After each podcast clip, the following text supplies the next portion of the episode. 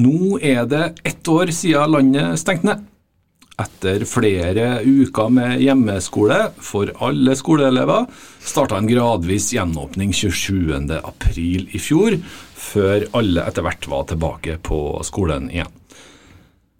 Ett år etter er uansett ingenting som før, og de aller fleste skoleelevene har vært gjennom lengre eller kortere perioder med hjemmeskole også etter 12.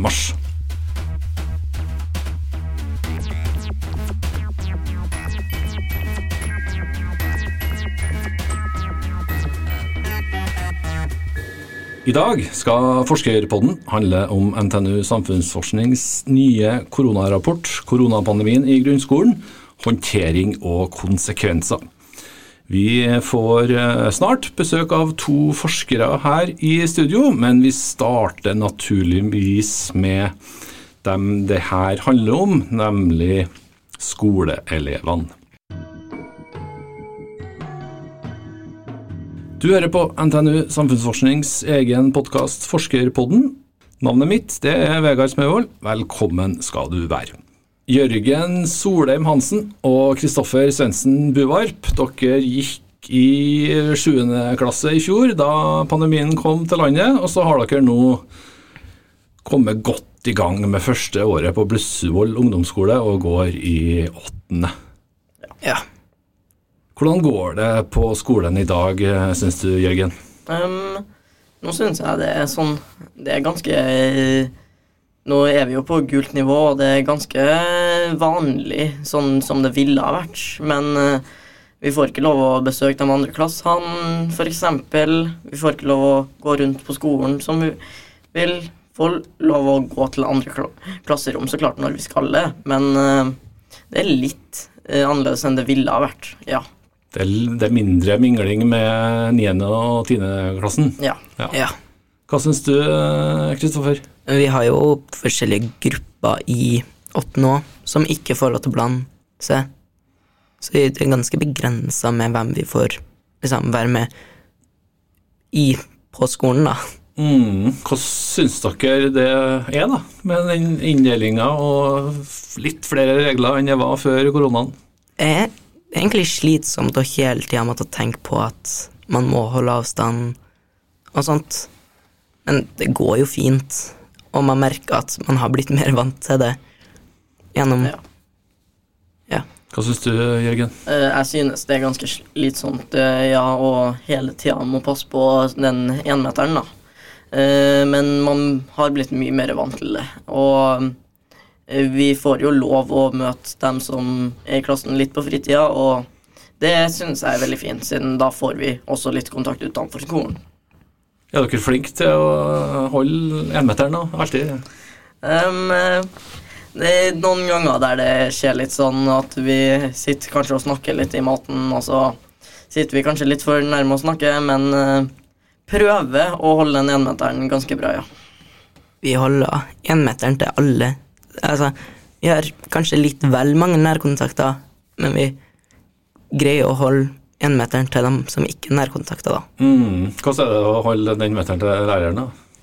Um, til læreren eh, Lærerne, eh, når vi sitter og spør eh, spørsmål, så blir det jo litt at uh, det er dem som kommer litt nærmere, ikke oss. Så, Under en meter, ja. Ja. Så eh, til lærerne så eh, føler jeg litt at det er mest dem som eh, kommer bort til oss mer.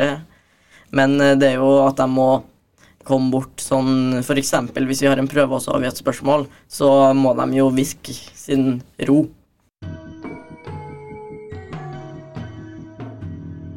Hvordan syns dere det var å bli sendt hjem fra skolen i fjor, 12. mars? Dere gikk i 7. da, siste året på Åsvang skole, stemmer det? Åsvang var det. Um, Hvordan opplevde du det, Kristoffer? Jeg husker det var mye jubel i klasserommet okay. når vi fikk vite det ble lockdown, men det ble ganske kjedelig etter hvert. Ble det. Så det, følelsen med samme, da, at oi, nå eh, kan vi være hjemme i noen uker. Ja, ble litt sånn Det gikk fra 'jeg, gjør har fri' til 'ah, vi må være inn'. ja, eh, jeg hadde vært syk hele f uka før eh, Eh, Ah, ja. eh, siden jeg, den dagen der jeg fikk vite at vi kom til å få hjemmeskole, da kom jeg på skolen for å hente noen bøker siden jeg hadde vært borte i en uke fordi jeg var syk. Eh, og så når jeg kom på skolen, så kom det folk og eh, skulle ha pakket sammen litt saker i gangen. Eh, og da fikk jeg høre plutselig eh, Dem sa bare 'yes, eh, nå blir, skal vi hjem'. Eh, og da, jeg hadde, når jeg var hjemme, så hadde jeg tenkt over det mye. Og da tenkte jeg det kommer ikke til å være bra, siden da kommer vi ikke til å få møte vennene våre i hele tatt. Så eh, det For meg så var det ikke den fineste opplevelsen å få høre det. Imens de sto og jubla, så satt jeg bare sånn Du hadde allerede vært øh, Ja. hjemme noen dager, ja. Det var ikke øh, korona du hadde. Nei, det var det ikke. Nei. Jeg testa meg flere ganger, men øh, ingen korona, nei. Hva syns dere det beste med hjemmeskole var, da? At man slapp å gå til skolen hver morgen. Altså, den følelsen av å bare kunne våkne og være hjem, høre på musikk, spise når man vil. Altså, jeg vet ikke med andre skoler, men i hvert fall på Åsvang, der vi går, så var det ikke så mye oppgaver. Det var lite lekser. Altså, eller oppgaver, da. Så vi hadde ganske mye bare fritid. Ja. Det var behagelig. Um, det som jeg syns var litt problemet med å ha hjemmeskole Jeg syns det var bra, siden da hadde vi veldig mye frihet. Men det jeg syns var dårlig, var at siden vi brukte jo PC-er uh, når, når vi gjorde skoleoppgaver for det meste, og da når man har hele internettet, YouTube eh, YouTube, spill, Steam Ja, når man har hele internettet foran seg, Lett så å bli distrahert. ja, veldig lett å bli distrahert. Så jeg fikk Meg sjøl fikk jeg ikke gjort så veldig mye, egentlig. Mm, jeg lurer jo litt på det, da. Hvordan, øh, hvordan lærer man på hjemmeskole? Men- Du, tenker det var var litt dårligere, Jørgen? Ja, eh, siden når man er i et klasserom, så er det bare å rekke opp hånda for å få hjelp av læreren. Og da har man noe fysisk foran seg som man kan skrive på. Um, og da føler jeg at det blir litt enklere. Men imens på en PC så skriver man på tastatur, og ja, forskning viser jo at man lærer jo bedre av å skrive. Så uh, Og når jeg fikk høre fra lærerne sjøl eh, og se kroppsspråket deres, hva de mente når de eh, svarte på et spørsmål, og ikke bruke Google Hangouts da, for å spørre et spørsmål, da var det mye lettere å forstå stoffet. Mm. Hva, er du på øh, videolink da med læreren når du sitter hjemme? Um, Eller er det bare sånn chat? det, vi hadde eh, møter på starten av sånn halv ni, halv ti noen ganger. Så hadde vi videochatter på starten av dagen. Og da var det Vi måtte eh, ha en videochat i starten, men eh, senere på dagen så bare Det er muligens at man ringer en gang eller to, men for det meste så var det bare en chat. Og da er det mye vanskeligere å lære seg. Ja. Mm. Følte du at du hadde det utstyret du trengte tilgjengelig da, Kristoffer? Ja, ja så, altså, så lenge man hadde en PC, så gikk det jo bra. Jeg vet det var noen som lånte Chromebooks, så det var ganske Jeg tror ikke det var et problem. Men det var noen ganger at det var sånn Lag det og det i mat og Eller sånn som en oppgave. Og det var noen ting som ikke kunne gjøres fordi man hadde ikke de spesifikke tingene. Mm. Dere sier at uh, læringa ble kanskje litt slapper etter hvert. Um, hvordan ble det med det sosiale livet utover våren 2020, da? Um, jeg har holdt meg uh, nesten hver eneste helg Nesten hver eneste helg så hadde jeg en fast gruppe med folk. Det var seinere utpå året, da. Det var ikke i høsten, men seinere utpå året så begynte jeg å få en fast gruppe som jeg var med hver eneste helg. Mm. Uh, og da spilte vi litt DND, og eh, da var det veldig artig. Men eh, i starten så da, var det, da ble det veldig lite kontakt. Siden vi hadde Da hadde vi ikke noe faste i starten. Hva syns du om det? Det syns jeg var veldig kjipt eh, i starten, jeg i hvert fall. Og, og når man ikke får være med folk sånn Siden man er jo på, med folk hver eneste dag og sosialiserer på skolen, Men når man ikke har den sosialiseringa, så blir det så mye annet. Sånn, man tenker jo at det kommer til å bli kjempeartig, men øh, det blir egentlig ikke så artig når man først er i det, siden det blir så kjedelig å bare være alene i et rom. Og kanskje få besøk av mamma eller et søsken en gang iblant. Hva syns du, Kristoffer?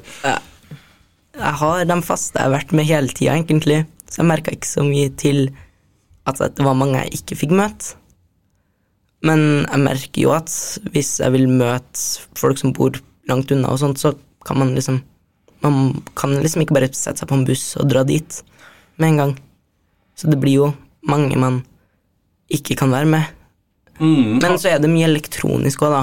At man spiller sammen og snakker sammen der. Mm. Har dere noen i familie eller i nær omgangskrets da, som, eh, som dere ikke kan treffe like mye som før pga. at de er litt utsatt, eller? Mormor og morfar. Ja. Mormor og morfar er dem jeg merker mest til at jeg ikke har møtt noe i 2020.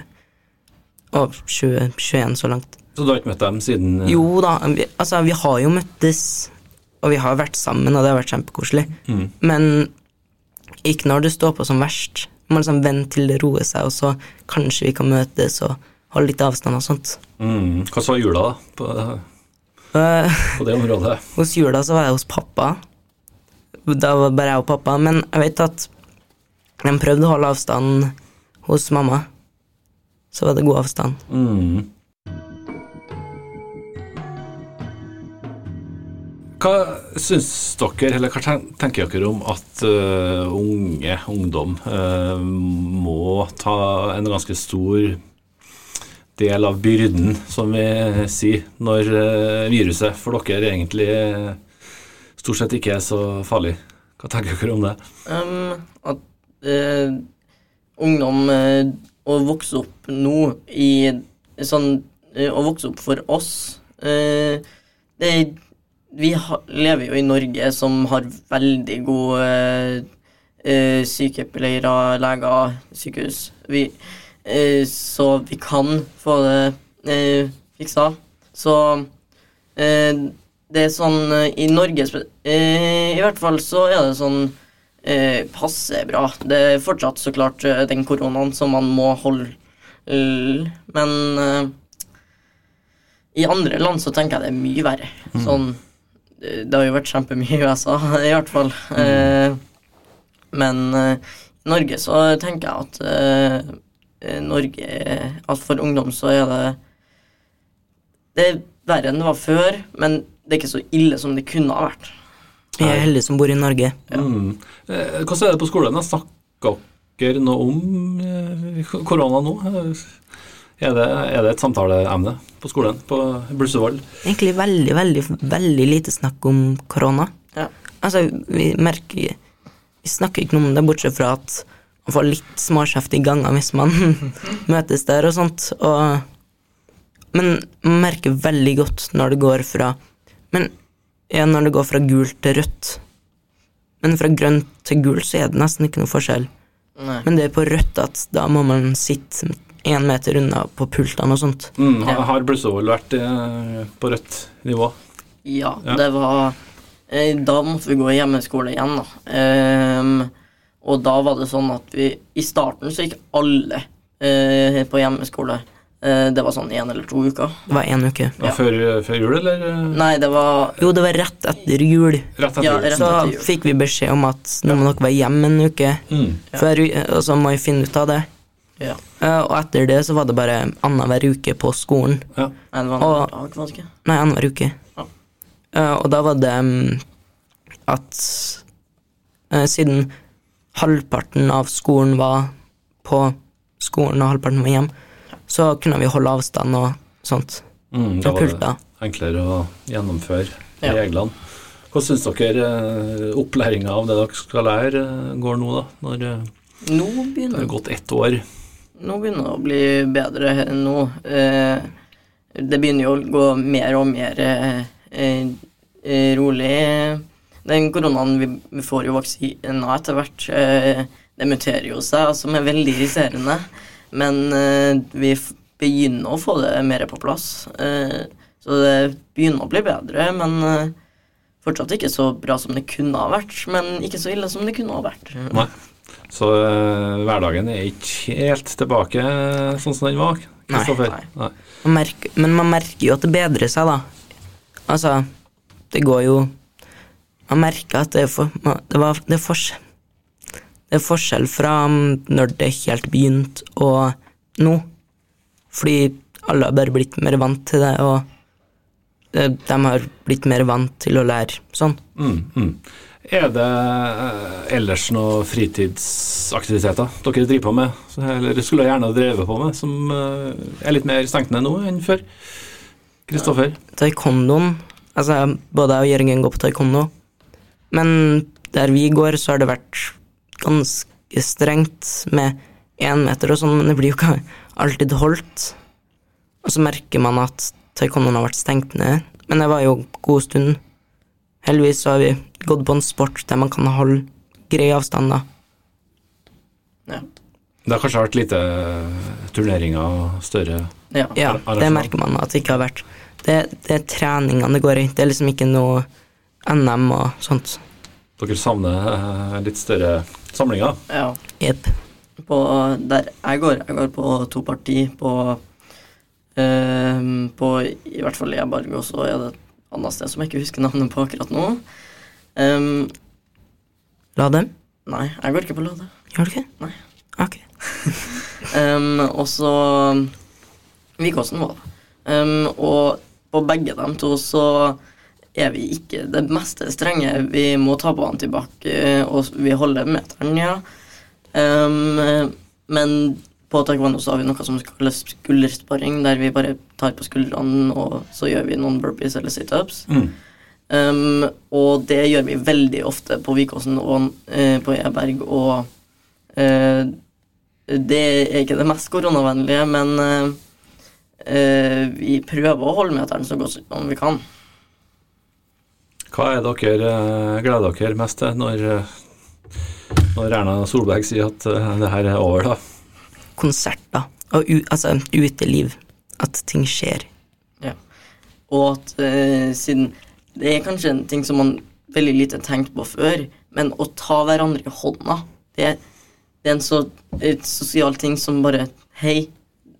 Hei. Bare Det er nærhet der man mangler, ja, Ja. med korona. Som bare kommer til å være så deilig å bare få det tilbake igjen. Eh, jeg skal snart få eh, besøk av NTNU Samfunnsforskning sine skoleforskere her, men eh, jeg må spørre dere òg, da.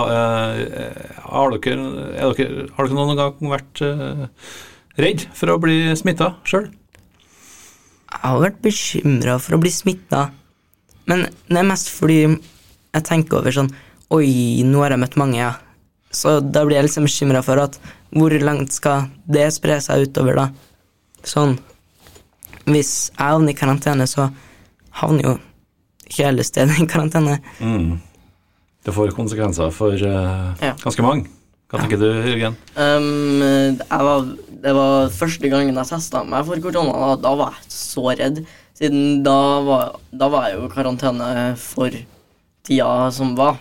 Så når jeg hadde testa meg, eller jeg tror det var før jeg testa meg, da lagde jeg på gråten som bare det. Siden jeg kunne ikke klemme mamma eller noen i familien min, og, eller noen, og jeg bare følte at jeg måtte ha en klem i det øyeblikket. Eh, men det kunne jeg ikke ha, og da ble jeg kjempelei meg. Da var vel korona ganske nytt. Ja. Da visste vi ingenting om det. Nei. Mm. Har du tatt test, du, da? Ja. Ja. Flere Testa meg fire ganger nå. Ja, såpass. Mm. Ja, det har vel gått ganske heftig. Hvordan syns dere den testen er? Ah, det er ikke noe godt. Eh, nedi munnen så er det ikke det verste, men nedi nesa så er det så Det er så man Begge gangene så har jeg bare hosta rett i ansiktet på eh, dem som har tatt testen på meg. To første gangene så syns jeg det var ganske heslig, men jeg har, ikke merket, jeg har virkelig ikke merka så mye til det. Blitt, Altså- vant, blitt vant til det? da? Yep. Mm. Jørgen eh, Solheim Hansen og Kristoffer Svendsen Buvarp, dere går i eh, åttende på Blussevoll ungdomsskole. Ja. Tusen takk for eh, et innblikk i eh, hvordan eh, koronahverdagen har vært for, eh, for eh, skoleelever på ungdomsskolen. Tusen takk. Da har jeg sprita ned studio her og fått besøk av eh, to av eh, våre skoleforskere ved NTNU Samfunnsforskning. Rapporten 'Koronapandemien i grunnskolen håndtering og konsekvenser' ble lansert nå på 12. mars, ett år etter den mest betydningsfulle datoen i denne eh, krisa, får vi får vi håpe da, at det ikke blir noen dager som er verre enn den datoen. Joakim, hvordan samsvarer det dere har funnet ut med det Kristoffer og Jørgen fortalte meg her eh, i stad? Her var det veldig mange like, like erfaringer, syns jeg, eh, som det vi har sett i vår rapport. Eh, Dette med å, for å ta noen punkter, det med å eh, bruke mindre tid på skolearbeid og ha mer fritid, da, nødvendigvis, eh, er gjenkjennbart. Det samme svarer elevene som vi har eh, henta inn data fra. Eh, en annen ting er også man kan legge merke til at det har på en måte blitt Det har kommet mer på plass. Eh, Det ser vi også at det her digitaliseringa og hjemmeskolen og sånn har på en måte falt inn i en rutine. Man blir vant til det. Så det er ikke det at nødvendigvis alt går bedre og at eh, smittevernskrav er lempa på og sånn, men man venner seg til det. Man internaliserer hele den her koronahverdagen også i skolen. da. Den blir en del av hvordan man gjør det. Ehm, Et tredje punkt kan være det her med å ha kontakt på tvers av trinna, eh, som eh, vi ser at mange eh, opplever som vanskelig, og som også har betydning for hvordan skolene kan bruke ressursene i skolen. For det er veldig mange eh, områder hvor man ikke har nok ressurser til alle i utgangspunktet, hvor man legger opp til å dele enten materiell eller lærerressurser på tvers av trinn. Mens eh, mange nå opplever at de har blitt eh, låst inne, da, og ikke, eh, for å kalle det det, låst inne på enkelttrinn og ikke kunne brukes på tvers slik man pleier. Og det gir utfordringer for lærerne og elevene. Mm. Eh, Joakim Kaspersen er navnet ditt, det sa jeg kanskje ikke. Jeg har også med meg Ingrid Holmedal Hermstad. Eh, det har jo kommet en del skolerapporter det siste året. Eh, denne rapporten her er laga sammen med NIFU, som er Nordisk eh, institutt for studier av innovasjon, forskning og utdanning, som holdt til i Oslo på oppdrag fra Utdanningsdirektoratet, og så er den laga sammen med oss ved NTNU Samfunnsforskning. Hvorfor er akkurat denne rapporten her så viktig, Ingrid? Den forsøker å oppsummere veldig mange av de erfaringene som eh, sikkert mange av oss har kjent på det siste året, da, men nå spesifikt for grunnskoleelever. Um, og dekker på en måte ulike temaer. Så alt fra hvordan elevene har hatt det, til hvordan de digitale rammevilkårene har prega undervisningen. Um, som jo vil være viktig for å kunne lære noe av det året som har gått. Hvordan uh, syns du det var å høre på Kristoffer og Jørgen? Det er jo veldig eh, kult at de har eh, reflektert så mye og tenkt så mye over den situasjonen de har vært i allerede. Um, og så ser man jo at eh, de har allerede fått litt sånn nye utfordringer i skolen med den nye digitale hverdagen, f.eks. Det de beskriver om at uh, det er vanskeligere å lese kroppsspråket til læreren i digitale flater, det tror jeg ikke er noen en utfordring man hadde før koronaen kom, da. Det hadde ikke vi når vi gikk på skolen, nei.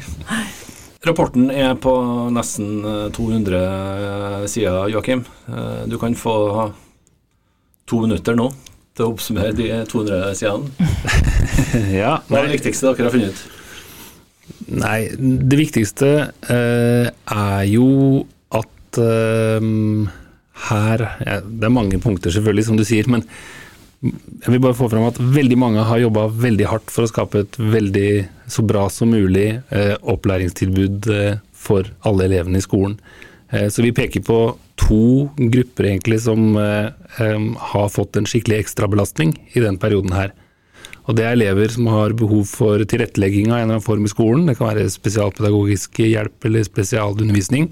eh, eller andre måter hjelpemidler eller noe sånt.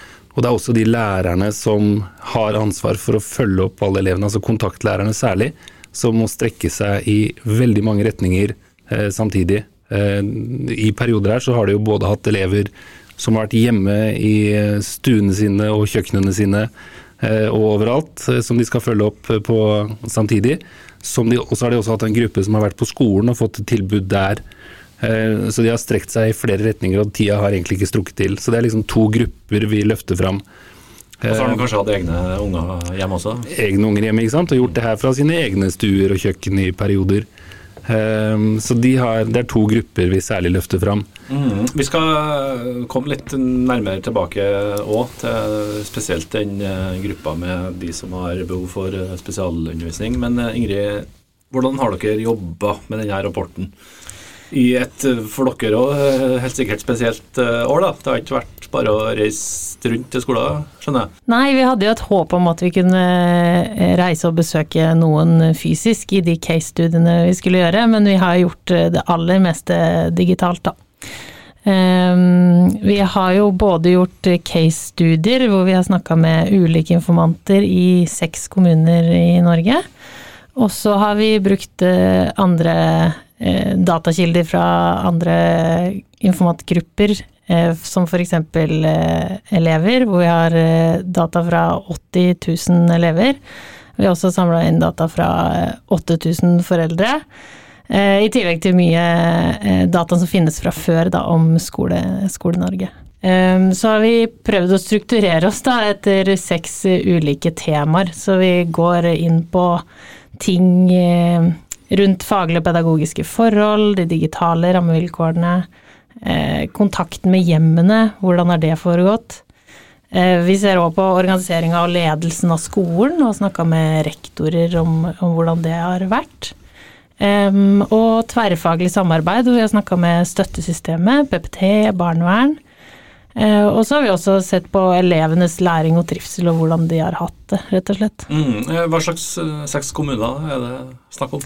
Det er hemmelig, det er hemmelig ja, fordi jeg ønska å anonymisere, men vi har valgt litt ulike kommuner. Både på bakgrunn av smittesituasjonen de har hatt, og mm. størrelse, da. Ja, riktig. Så det kan både være hovedstad og Finnmark Ja. kanskje. Eh, hvordan har det vært å jobbe der, da? Veldig eh, både morsomt og utfordrende. Og, og, ja, vi føler oss jo veldig heldige som har fått tilgang til de informantene i en tid hvor de har vært ekstremt pressa, og de har skjønt at eh, Eller de har prioritert eh, og sagt at de syns det er viktig å dele de erfaringene, og det er jo vi kjempeglade for. Har norske grunnskoleelever lært like mye det året her som eh, de har gjort tidligere? Ja, spør, eh, når vi spør elevene om det, så svarer de jo egentlig nei. Eh, jevnt over. De har lært eh, mindre i denne perioden, og som jeg sa i stad, brukt mindre tid på skolearbeid. Eh, og så har foreldrene brukt mer tid på å følge opp barna sine enn de vanligvis gjør. Og lærerne har også jobba hardere. Ehm, så det er på en måte alle har forsøkt å kompensere for den eh, vanskelige situasjonen man er i. Ehm, men eh, opplevelsen til elevene sjøl er jo at de har eh, lært mindre.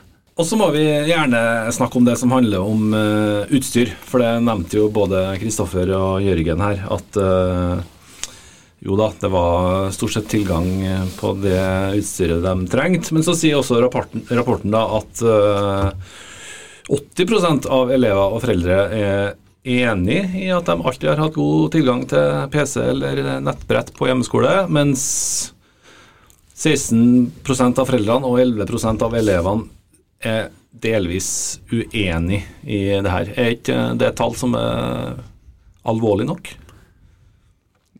Ingrid? Du kan jo si det, og så kan man på en måte tenke at i en krisesituasjon så er det kanskje enda verre da, med de andre utfordringene en hadde. Eh, sånn at eh, en, ja, en har gjort eh, det beste en kunne i den situasjonen, og, og, sånn sett er det ganske bra. Men det er klart at det er jo kjipt for de som ikke har hatt det utstyret de trenger, selv om det er få. Ja, altså Én ting er på en måte det tekniske utstyret for å gjennomføre undervisning, og der har jo skolene noe å tilby. Eh, altså det, Vi hørte i stad fra elevene at noen fikk låne Chromebooks og sånn for å følge opp eh, arbeidet hjemme. Men så er det en del av det skolegreiene som foregår hjemme som også er basert på andre ting. Altså Det handler om å ha en plass å sitte. Det handler om å ha på en måte rom som er gode. Eh, og i enkelte tilfeller så kan jo noe av skoleoppgavene som man vanligvis gjør på skolen, eh, være basert på at du har en del utstyr tilgjengelig. F.eks. skal du lage en eller annen matrett, du får det i oppgave hjemme, så skal du ha ingrediensene på plass. ikke sant? Og det ser vi jo at eh, det er ikke alle som hadde alle disse mulighetene. Disse mulighetene er skjevt fordelt. Og det forsterkes jo veldig i en sånn situasjon hvor undervisninga flyttes hjem. Ehm, så når vi har sett på um, de som er minoritetsspråklige og har svart på elevundersøkelsen vår, så ser vi at der er det flere som oppgir eh, problemer med disse tinga. Ehm, og det er jo da korrelert med måte hvordan den sosial, sosioøkonomiske situasjonen er hjemme. Ehm, ja. Mm, eh, du snakka for noen minutter siden om eh, om eh, at uh, opplevelsen av læring, uh, spesielt hos elevene, har gått ned. Hvor, hvor, lenge blir det alvorlig, holdt jeg på å si? Mm. hvor lenge vil en elev oppleve et slags etterslep på at, på at matteundervisninga i 7. klassen ble rett og slett for dårlig? Ja, nei, Det er vanskelig å sette akkurat et tall på hvor mange år eller hvor lang tid det tar å utligne forskjellen eller noe sånt. Eh, og um, nå er vi jo i den situasjonen at det er ikke mange steder man har hatt sånne store skolenedstengningseksperimenter, for å kalle det det. Nei. Så det er litt unikt. Men eh, i løpet av pandemien så har det kommet en del forskning som har forsøkt å se på resultater på noen sånn standardiserte prøver, og man ser på hva som foregår år for år. Eh, og Man har jo sett da at eh, språk og leseferdigheter, altså det som på en måte er liksom grunnleggende ferdigheter i skolen, eh, har et ganske stort tap. altså Man begynner å beregne det i prosenter og sånn. Akkurat hvor, hvor, mye og lite er vanskelig å si. men det kan tape seg fort. og Heller ikke dette er noe som er jevnt fordelt. Da, Dette er også skjevt fordelt. De som har problemer fra før, utfordringer med skolearbeidet, får større utfordringer. Og det henger nok lenger i. Og det er det som er eh, det skumle i Eller den store utfordringa framover, da. Å forsøke å ta tak i eh, det som har skjedd det året her, og hvordan man kan jobbe med det videre. Mm. Eh, det er kanskje vanskelig å si hvor lenge vi tåler denne normale situasjonen. Ja, det tror jeg de fleste kan kjenne på. At vi tåler det jo fortsatt, men at en del av det handler om at vi er, begynner å bli vant til det også, men eh, slitasjen er selvfølgelig der i skolen også. Ja, men skoleforskerne, dere har ikke noen dato at da må Nei. det være normalt? For det, hvis ikke så blir konsekvensene så enorme.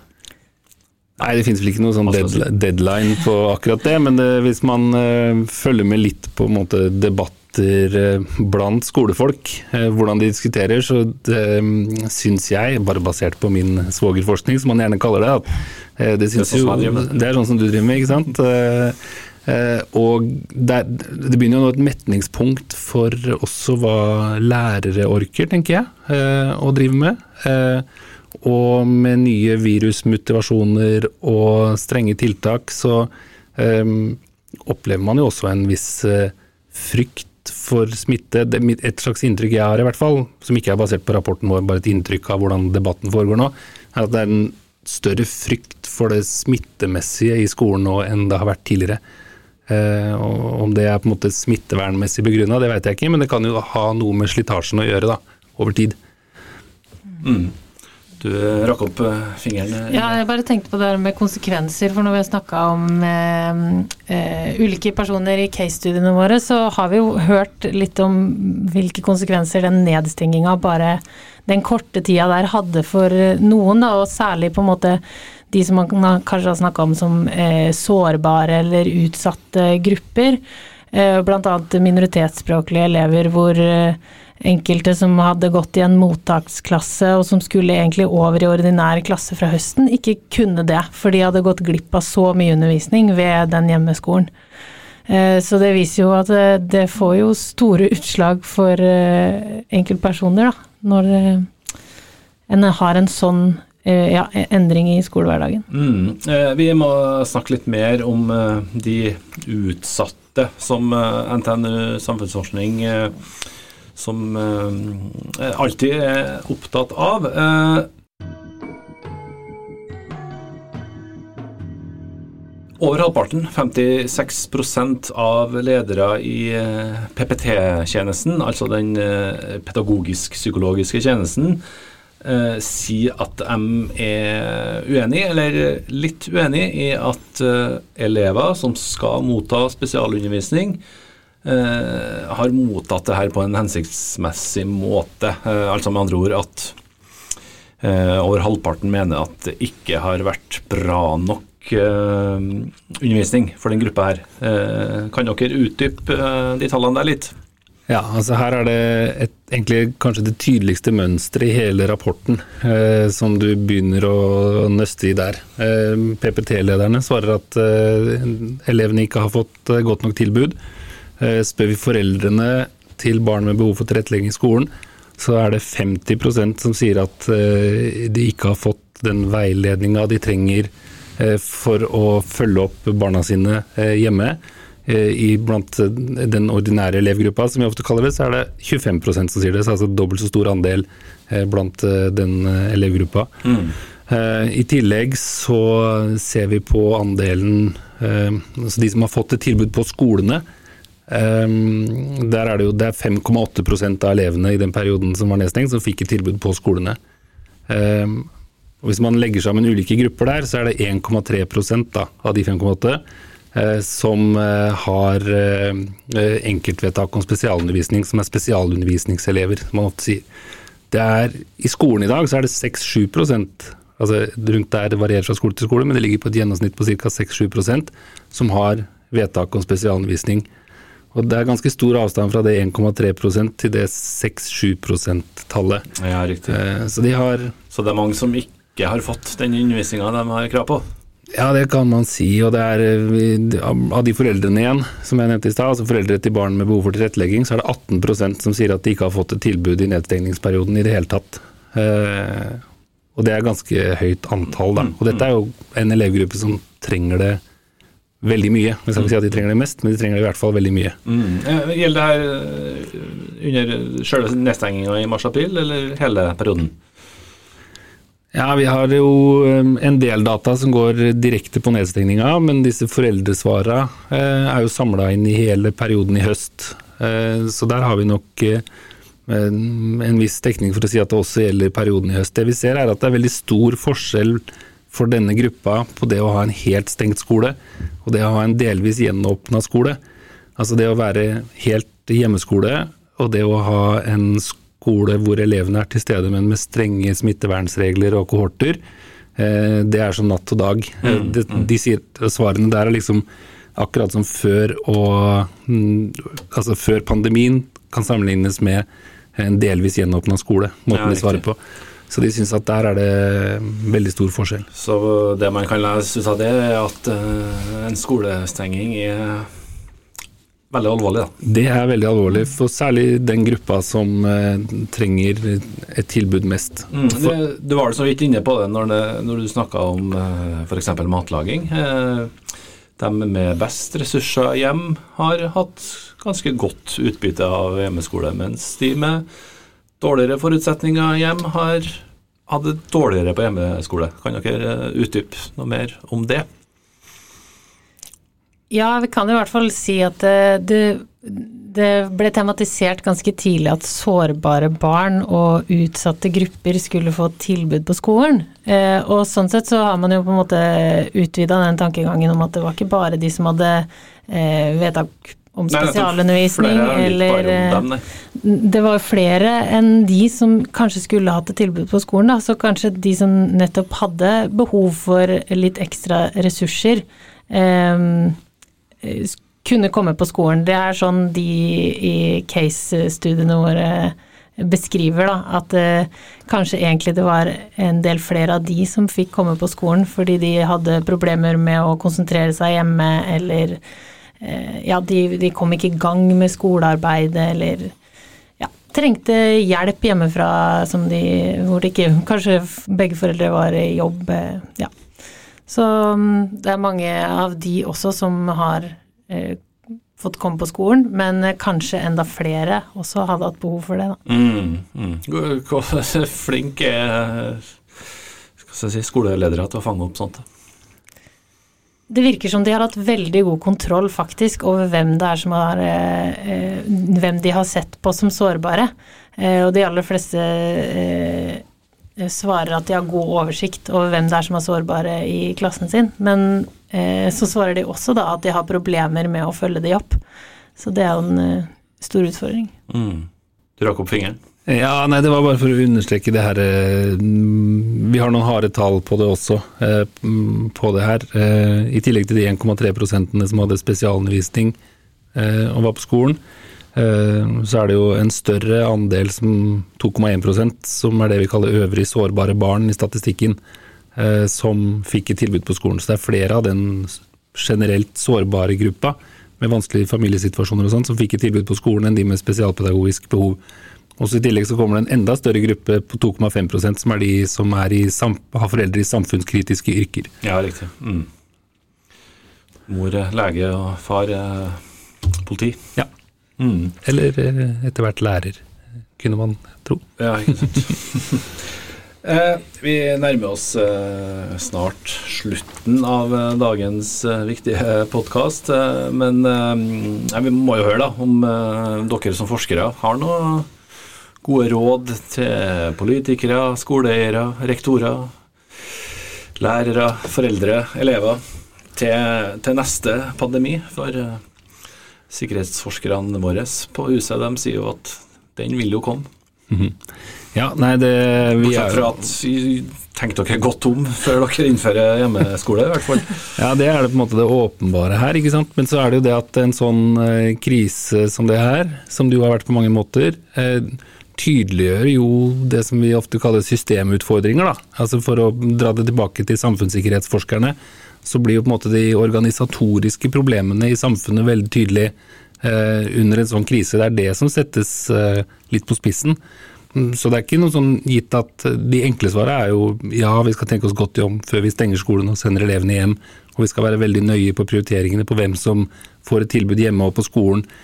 Men det handler også om å utvikle det her samarbeidet mellom skolen og de instansene rundt. Du nevnte PPT-lederne sine svar. Altså de har jo vært PPT er jo pedagogisk psykologisk tjeneste, og de som eh, følger opp elever med spesialpedagogiske behov. De har i veldig liten grad vært kobla på skolenes arbeid med å bestemme hvem som skulle ha tilbud, eh, og kommunenes eh, arbeid i det samme, og, hvilket, og hvordan undervisningstilbudet skal være på skolen eh, eller hjemme for de som har det. Eh, Og her kunne de ha bidratt, men det er på en måte kjent fra før av av at det kan være ganske stor avstand mellom PPT og skole, og at de ikke samarbeider godt nok. Mm, Så her har man jo allerede satt i gang arbeider og reformer i skolen som skal gjøre noe med det, Eh, men det blir på en måte enda tydeligere nå da, at mye av det arbeidet man er i gang med, på en måte kanskje må det eh, settes eh, mer ressurser inn i det for at det skal bli bra. Mm. Har eh, hjemmesituasjonen til norske skoleelever blitt mer skal si, synlig i løpet av det året her? Vet man mer om hvordan barn og unge har det hjem enn før? Kanskje på en måte, eh, samtidig som at jeg veit jo ikke helt. Eh, og det er jo noe som eh, både barnevernet og PPT har uttrykt frustrasjon over òg, at de har jo ikke helt oversikt over hvordan folk har det hjemme. Så en, en kan jo ikke vite, vite det.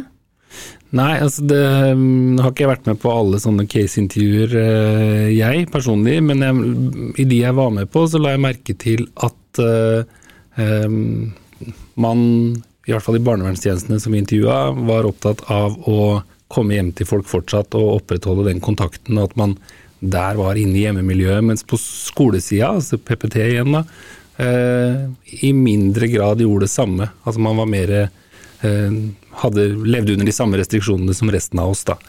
Eh, slik at det ble en forskjell. Men det er jo klart at når man flytter skolen hjem, så blir det jo hjemmet tydeligere. eh, Og forskjellene som kommer fra hjemmet, forsterkes. Nå kan jeg komme, på, komme en liten digresjon inn i det også. fordi eh, en ting som jeg også har merka meg når det gjelder skole, hjem og forholdet der, er jo hvordan skolen Det blir tydelig hvordan skolen inngår i livet til ikke bare barna, men også hele familier, og eh, som et sånn knutepunkt i hverdagen.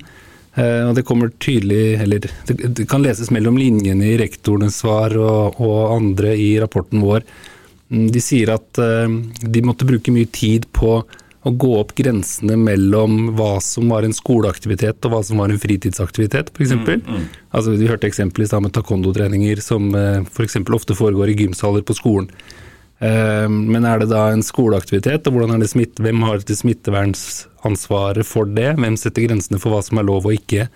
Eh, Bursdager feires ofte på skoler, eh, og det kan være glidende overganger i sånne. Eh, Og rektorene svarer også at de ble ofte spurt om det er det greit at vi besøker bestemor.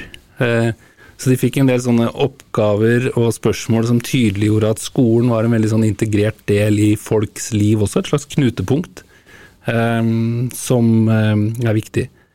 Jeg pleier, og noen ganger også, Det finnes en norsk eh, sosiolog som het Nils Kristi, eh, som skrev en bok 'Hvis skolen ikke fantes' eh, på 70-tallet. Som var et slags hardt oppgjør med egentlig den skolen vi hadde, en sånn fagorientert skole. Men senere så skal han ha sagt at vi skal være veldig glad for at skolen fins, for det er det siste sånn samlende fellespunktet eh, i livene til folk, egentlig. Sånn som vi har det nå. Eh, og det syns jeg mye av det vi ser her mellom linjene også tydeliggjøres i koronapandemien. Mm, og det tror jeg nok Kristoffer og Jørgen som sitter ute her òg føler at skolen er viktig, selv om akkurat den dagen de fikk beskjed om at de skulle hjem eh, og være hjemme noen uker, så føltes det også litt uh, godt, da. Uh, Ingrid, hva er det viktigste du har lært da, som skoleforsker i arbeidet med denne rapporten? Nei, Jeg sitter igjen med et inntrykk av at eh, skolene har omstilt seg på en imponerende måte. Eh, så det har vært veldig eh, interessant og, og spennende å se på. Så er det jo også det der Jeg har merka meg det med at skolen er mer enn opplæring. Det er også så mange andre ting. Um, og så er det det der med å ta med seg eh, lærdommen eller nye arbeidsmåter da, inn i den nye hverdagen. Nå er kanskje alle rimelig lei av digitale flater, men det er jo også et eh, poeng for skolen som samfunnet ellers at eh, det blir viktig for oss å opprettholde kompetanse på digitale verktøy. Vi blir ikke dårligere på Teams, vi som sitter her heller, selv om vi er ganske lei av det.